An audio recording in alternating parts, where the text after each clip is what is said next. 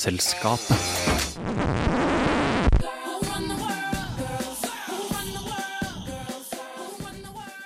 I dag blir ingen vanlig dag i Vitenselskapet.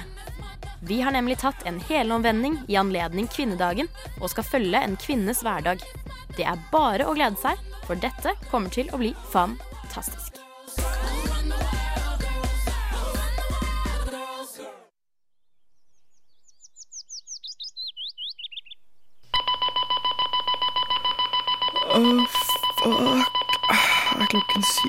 Allerede. Mm. Det føles som jeg har sovet en time. Mm, jeg skulle sovet noen timer til, altså.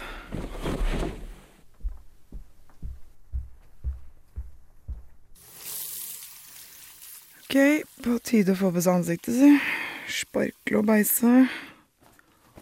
Mm, herregud. Huden min ser jo ikke ut. Mm.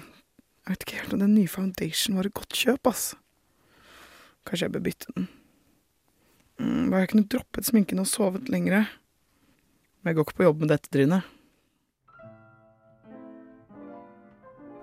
Å ofre seg for skjønnheten innebærer noen ganger faktisk skade. I løpet av den 6000 år lange historien til kosmetikk har skadelige stoffer som bly, arsenikk og kvikksølv ført til tørr hud, magesmerter, leversvikt, depresjon, forstoppelse og til slutt død. Og moderne kosmetikk har en del uønska bivirkninger. Særlig den sensitive huden rundt øynene kan bli uttørra og reagere allergisk på sminke. I tillegg kan sminke føre til utbrudd og akne grunnet tildekte porer. Noen kjenner svimmelhet, kvalme, utmattelse og kan få hodepine etter forlenga bruk av sminke. Og aldringa av huden kan gå fortere pga. sminke. Parabener er en type estere. De brukes i sminke fordi evna deres til å drepe mikroorganismer og holde produktet fritt for nanokryp over lengre tid. De er rimelige å framstille òg, og derfor er gave til kosmetikkindustrien. Men de har bivirkninger. Det endokryne system står for kroppen sin hormonproduksjon. Ikke overraskende er det viktig at dette holder seg i balanse, og den naturlige hormonkonsentrasjonen opprettholdes. Parabener har den effekten at de oppfører seg litt som østrogen, det kvinnelige kjønnshormonet. For mye parabener i menneskekroppen gir økt sjanse for brystkreft hos kvinner og redusert forplantingsevne hos menn. Parabener har flere spenstige bivirkninger.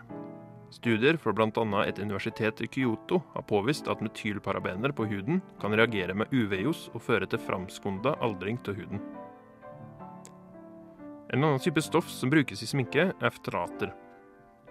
De brukes òg i plast for å mjuke det opp, og i andre hverdagsprodukt. Problemet med ftalater er at de kan føre til astma, brystkreft, fedme og virke forstyrrende på det endokrine systemet. De siste årene har strenge regler i EU og Europa ført til at de aller fleste ftalater ikke kan brukes i kosmetikk. I Norge har Folkehelseinstituttet et register over bivirkninger fra kosmetikk. Ikke overraskende er hoveddelen av klagene innsendt til kvinner. 82% av klagene ble innsendt av apoteksfarmasøyter. Hoveddelen av klagene kommer fra fuktighetspleiende produkter. De mest hyppige klagene var huden sine reaksjoner, bl.a. eksem, svie og hevelse. Ikke bare kreft, altså. Heldigvis. Ok, sånn. Finito. Pretty again. Å, shit, jeg må rekke bussen. Fuck, jeg må bare spise frokost på jobb.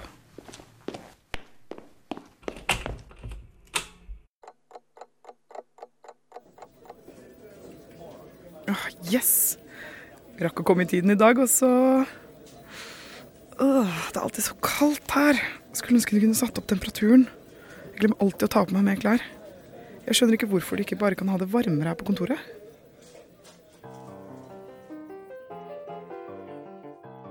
Det finnes en standard for så mangt, og temperaturen i et kontorbygg er selvfølgelig intet unntak. Den anbefalte gjennomsnittstemperaturen i mange land, Norge inkludert, ligger på 22 grader. Men nyere forskning viser at dette ikke nødvendigvis passer for gjennomsnittet i befolkningen. Denne temperaturstandarden ble nemlig utarbeidet på 60-tallet, en tid da arbeidsplassene så litt annerledes ut enn i dag. Ifølge en rapport skrevet av nederlandske forskere er 22 grader trivselstemperaturen til en 40 år gammel mann på 70 kilo. Problemet er bare at personer med en annen kroppsbygning, skjønn eller alder har en annen trivselstemperatur. Hvilken temperatur vi trives med, avhenger av vår basalmetabolisme. Eller for å si det litt enklere hvor mye varme vi produserer når vi hviler. Kvinner produserer som regel mindre varme enn menn. Faktisk 20-30% mindre. Det gjør at når en mann har det bekvemt ved 22 grader, må kvinner ofte opp i 23-26 grader for å ikke fryse. Å basere standarden på en 40 år gammel mann tar heller ikke hensyn til det faktum at basalmetabolismen som regel synker når man blir eldre. Så gamle folk trenger også ofte å ha det varmere enn 22 grader. Det er selvfølgelig flere ting som avgjør hvor varmt det må være for at man skal synes det er behagelig. Selv om forskjellig basalmetabolisme er en grunnleggende ting, har kroppsform også en del å si. Det er ikke dermed sagt at tjukke folk har det varmere fordi de har mer naturlig isolasjon. Overvektige kan ofte ha høy kroppstemperatur på innsiden av kroppen, men kjernetemperaturen er ikke det eneste som avgjør hvor varme vi føler oss. Hvilken temperatur vi har på huden, har ofte mer å si for dette, og mye fett vil fange varmen på innsiden av kroppen, mens huden forblir kjølig. At folkets vekt har økt siden 60-tallet, er jo ingen hemmelighet, og noe som også må tas med i betraktning når man skal sette en standardtemperatur. Når standardtemperaturen er basert på en gjennomsnittlig mannlig kontorarbeider, er det også tatt utgangspunkt i hva en gjennomsnittlig mannlig kontorarbeider kan tenke seg å kle på seg. Det er ikke nødvendigvis det samme antrekket som det en gjennomsnittlig kvinnelig kontorarbeider vil velge. Ulike kleskoder for kvinner og menn, altså at kvinner ofte har på seg tynnere klær enn menn, gjør jo også at kontortemperaturen føles annerledes. Ifølge Arbeidstilsynet er den norske anbefalingen på 22 grader ikke egentlig basert på denne internasjonale modellen, men på hva som visstnok gir best inneklima. Det kan med andre ord virke som at norske kvinner må være forberedt på å fryse litt. Men som fedre over det ganske lang ville sagt, hvis du fryser, ta på deg en genser. Det hjelper jo også på isolasjon, om det ikke akkurat har så mye å si for basalmetabolismen.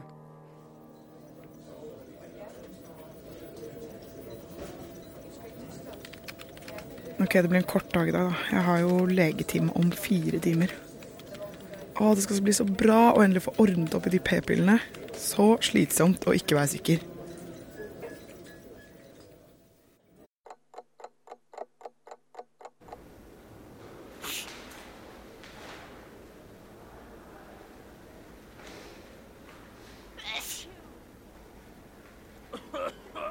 Da var neste Hermansen.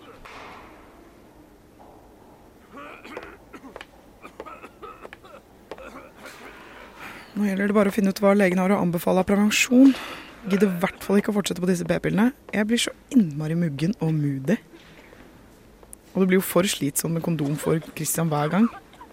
Ikke da at det er kult å poppe piller hver dag heller, da. Jeg lurer på hvilke andre alternativer jeg har å velge mellom.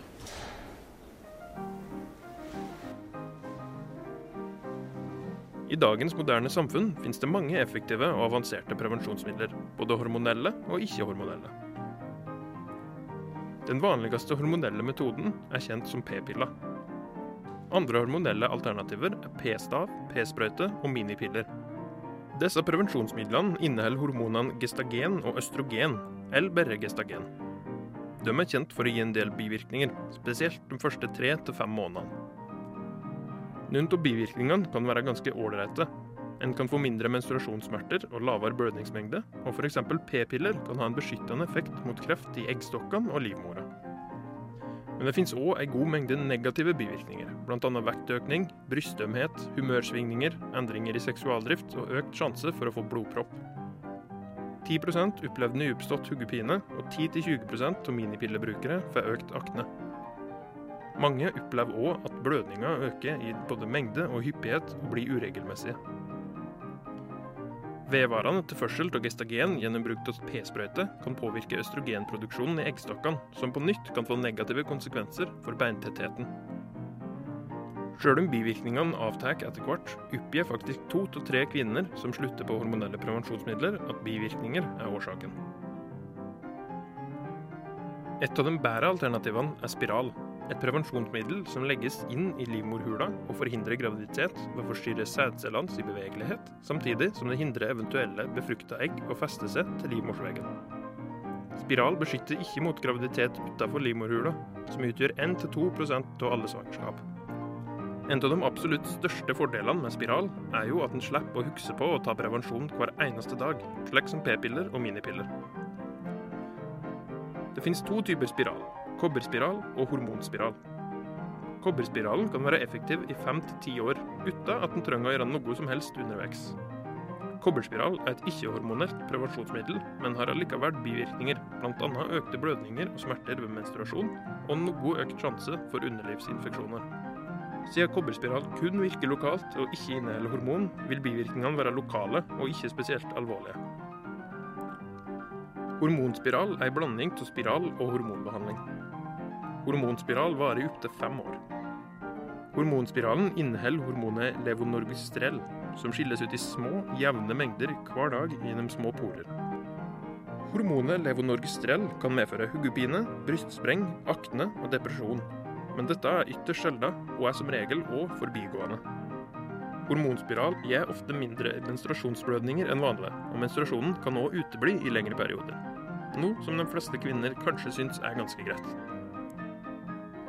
Spiral brukes til ca. 30% av kvinner mellom 20 og 43 år, og hormonspiralen er et av de aller mest effektive prevensjonsmidlene på markedet. Når høy sikkerhet kombineres med relativt få og sjeldne bivirkninger, er det ingen tvil om at spiral er et av de beste alternativene en kan velge.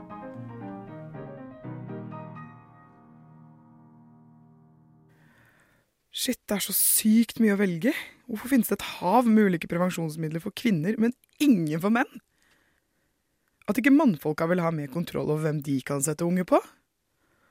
Men det blir vel hormonspiralen, da, i og med at legen anbefaler den. Det blir jo digg, så kan jeg i hvert fall slutte å tenke på å ta pillen hver dag. Ja, var det noe mer da? Hvordan går det med de uh, migrenemedisinen du fikk?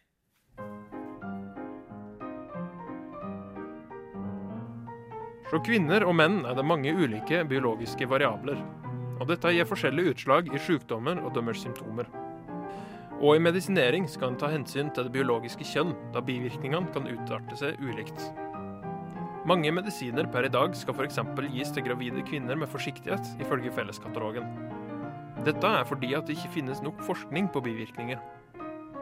Etter en tragedie med legemiddelet talidomid i USA på 50- og 60-tallet, hvor mange tusenvis av unger ble født med misdannelser, ble kvinner etter hvert ekskludert som testpersoner. Delvis var dette pga. menstruasjon og hvordan det kunne påvirke medisinene, og delvis pga. fare dette kunne påføre fosteret om kvinna var gravid eller ble det under forsøket. Amerikanske helsemyndigheter innførte at kvinner generelt i fertil alder ikke skulle delta ved utprøving av nye medisiner. Dette har ført til at millioner av kvinner har fått medisiner som bare har vært testa på menn, og som kan ha dårlig virkning og farlige bivirkninger. Inntil de siste 25 årene av 1900-tallet ble ikke kjønn engang anerkjent som en egen variabel i helseforskninga. I dag er det bevist at kvinner og menn kan trenge ulike doser medisin, og en sjelden gang òg ulik medisin mot samme lidelse. I 2001 fikk Norge nye retningslinjer som skulle sikre inklusjon av kvinner i medisinsk forskning. Dette var etter retningslinjer fra USA, hvor National Institute of Health oppfordret til dette her i 1987 og nedfelte det i sitt eget lovverk i 1993. Dessverre er det ingen norsk offentlig instans som har gjennomført forskning på feltet. Ingen har sammenligna de norske tallene av kvinner i legemiddelutprøvinga før og etter 2001.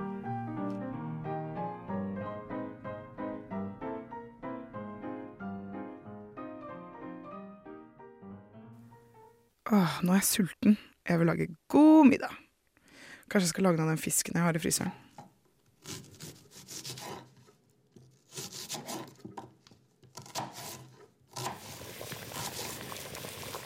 Mm, mm, mm, nå skal det bli digg med mat. Fader, jeg føler meg så sunn. Ikke noe ekstra kalorier på denne jenta, nei.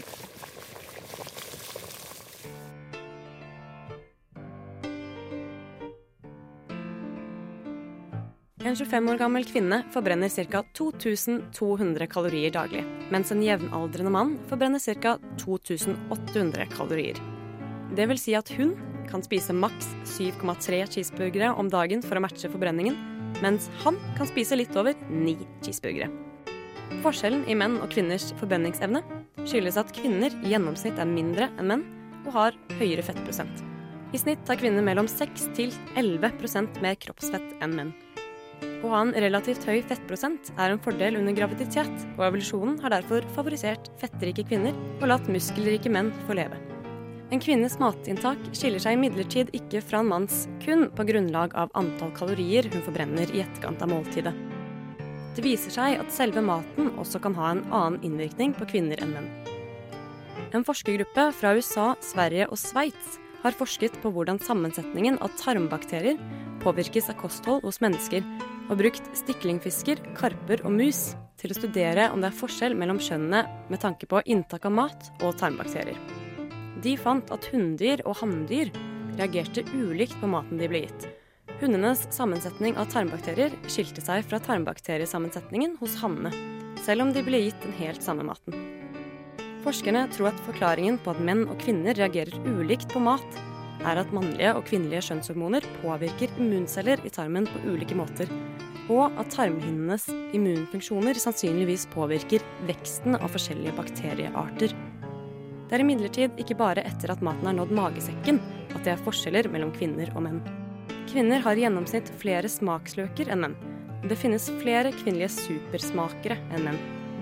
Det er altså ikke gitt at en kvinne vil oppleve maten på samme måte som en mann, selv om de sitter ved samme middagsbord.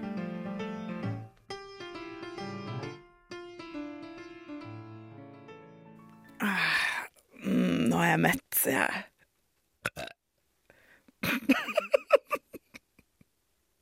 Bør vel kanskje stikke på sats snart.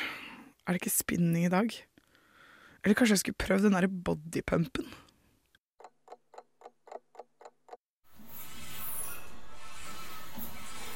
Å, jeg så flink! Å, nå skal jeg snappe til alle at jeg trener.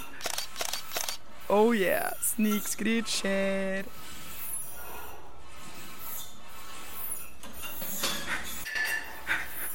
Dette bør være verdt det. Øh, en dag så skal jeg ta 100 i benk. Øh, eller kanskje 60.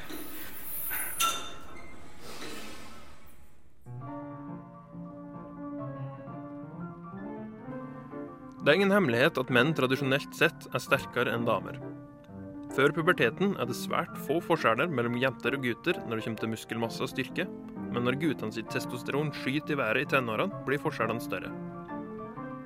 Testosteron fungerer nemlig anabolsk, altså muskelbyggende, og den høye testosteronproduksjonen hos menn fører til en økning i både muskelmasse og størrelse generelt. Hos menn utgjør muskelmasse omtrent 40% av kroppsvekta, og hos damer utgjør den ca. 34 Forskjellen mellom menn og kvinner sitt testosteronnivå fører til at menn sin fysikk har bredere skuldre og større brystkasser. Dette i tur gjør at de fleste voksne menn utklasser kvinner i øvelser som har med overkroppsstyrke å gjøre, som pushups, hangups og skulderpress. Styrka i overkroppen hos kvinner er generelt sett bare 50-70% av styrka menn har. De er derimot ikke langt unna menn når det gjelder styrke i underkroppen, og er derfor gode i øvelser som knebøy og markløft. Her har kvinner i gjennomsnitt 60-80 av menns i styrke. Ut ifra undersøkelser kan det tyde på at damer kan utklasse menn i både langdistansespringing og utholdenhetsidretter. Forskere mener at dette kan være knytta til fettprosent, da damer sin høye fettprosent vil kunne fungere som verdifullt drivstoff i utholdenhetstrening. Og dette er gode nyheter, for det er påvist en link mellom hvor sunn hjernen din er og fotstyrke. Olga Kotelko var ei kanadisk dame som begynte å orientere i en alder av 77 år.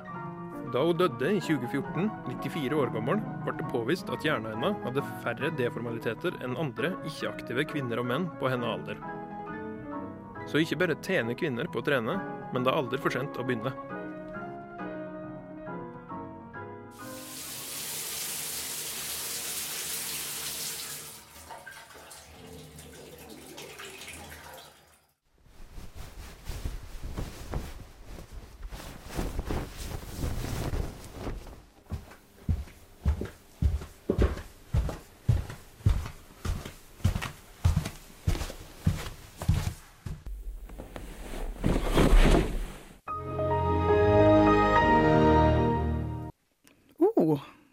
Friend request.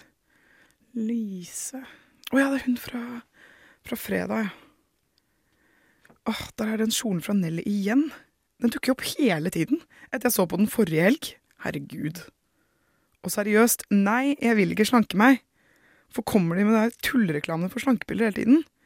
Skal jeg ta et hint, eller? Jeg trener jo. Åh, digg. New York tur-retur. Det hadde vært nice. Du har garantert opplevd å bli bombardert med reklameannonser på nettsteder som Facebook. Men hvem er det egentlig som velger akkurat hva du får se? Facebook har et eget team som hver dag jobber med nettopp dette. På Facebook florerer mange millioner annonser hele tiden. Men hver bruker blir bare daglig eksponert for et titall stykker i sin nyhetsstrøm. Med andre ord en ganske drastisk utvelgelsesprosess. For å velge hvilke nyheter vi blir eksponert for, har Facebook utviklet en algoritme. Målet er å velge ut de riktige reklameannonsene, og i tillegg presentere dem på riktig tid. Reklamene tilpasses altså hvert individ. Men hva er egentlig en algoritme, tenker du kanskje. For å få en datamaskin til å gjøre noe som helst, trenger man et dataprogram. Dette programmet forteller datamaskinen trinn for trinn hva den skal gjøre for å løse en oppgave. Det finnes flere former for algoritmer, avhengig av hva man ønsker å få gjort. F.eks.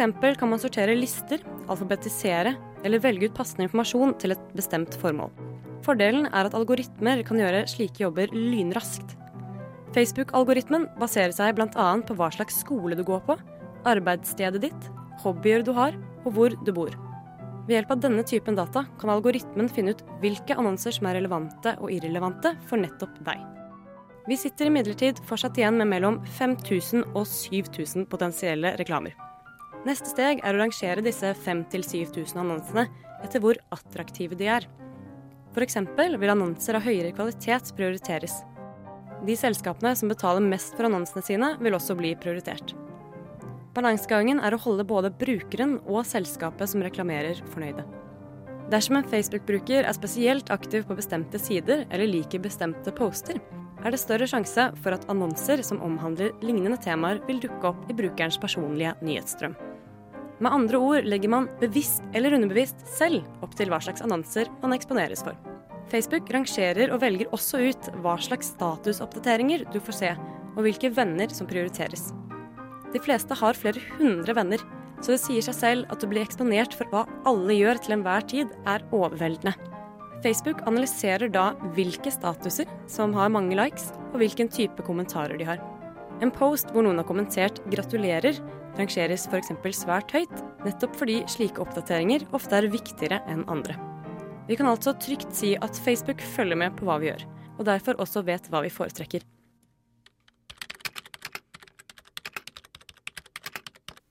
Uh, nå må jeg slutte å stalke. Jeg må gå og legge meg.